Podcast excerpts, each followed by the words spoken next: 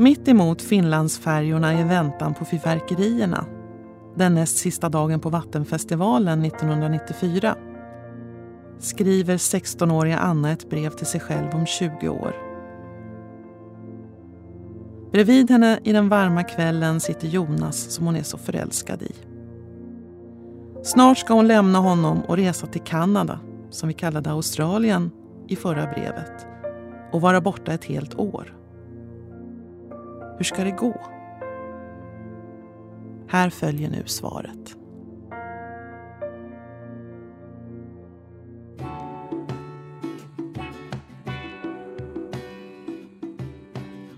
Hej! Vad förvånad jag blev när jag fick brevet från mig själv som 16-åring. På något sätt trodde jag, när jag skrev det, att det inte skulle komma tillbaka. Jag liksom skrev det utan tanke på att någon skulle läsa det.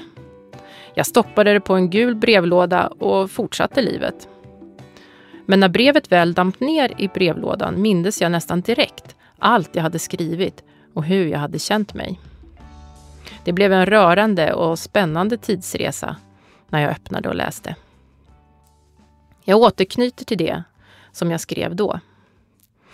Jag var ju på väg till Kanada när brevet skrevs. Vad pirrigt det var. Jag minns att jag i början längtade hem eftersom jag hade så svårt med språket. Jag var i den fransktalande delen av Kanada och mina fyra år med skolfranska räckte inte till för att tonårssnacka med kompisar. Jag kände mig utanför och mot min vilja, eftersom jag inte kunde prata något vidare, blev jag den blyga utländska flickan. Min vistelse i Kanada har format ganska stora delar av mitt resterande liv, där det viktigaste nog var insikten av hur man som invandrare i ett land helt plötsligt tvingas till en annan personlighet eftersom man inte behärskar språket. Förra året var jag handledare åt en syrisk man som gjorde praktik på mitt jobb. Stapplande förklarade han precis samma sak som jag hade känt där i Kanada. Att han egentligen är en annan person någon som skojar och snackar och pratar med alla. Fast nu kunde han inte det. Det var uppenbart att han inte kände sig bekväm med sin nya personlighet. Nåväl, jag lärde mig så småningom franska och de sista månaderna talade jag flytande, om än med quebecisk accent. Jag har alltid varit lite mallig får jag erkänna, över att jag kan franska.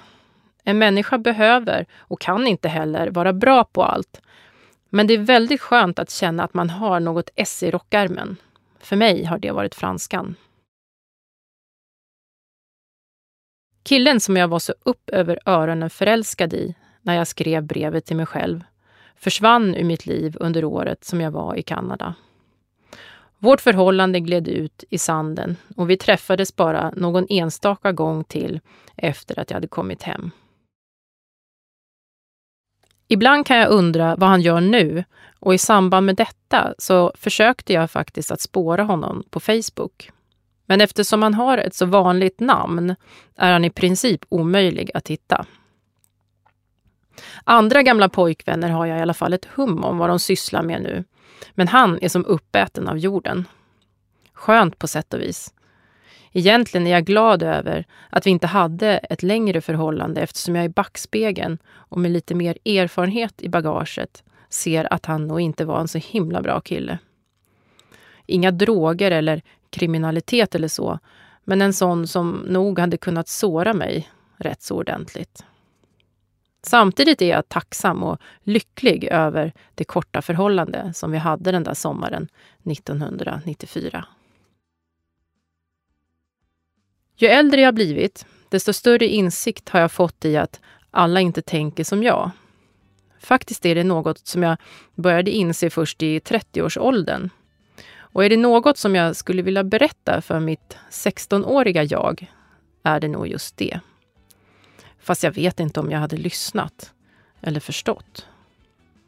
Kanske det också är något som man skulle lägga större vikt vid i skolan.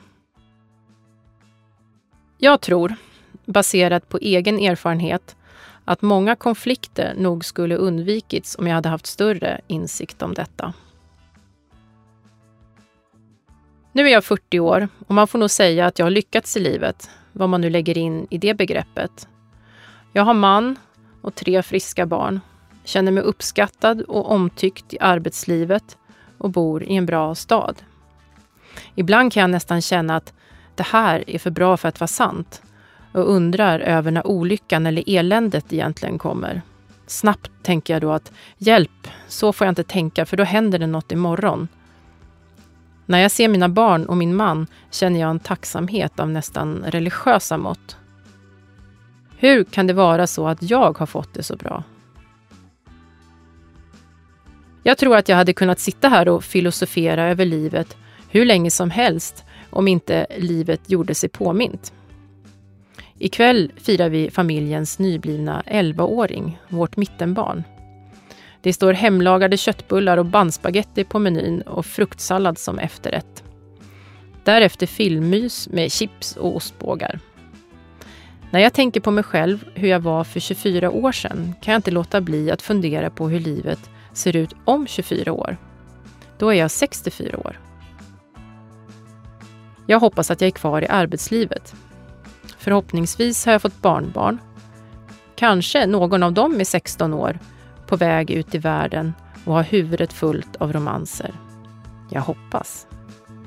Kanske vi ses om 20 år igen. Hälsningar Anna.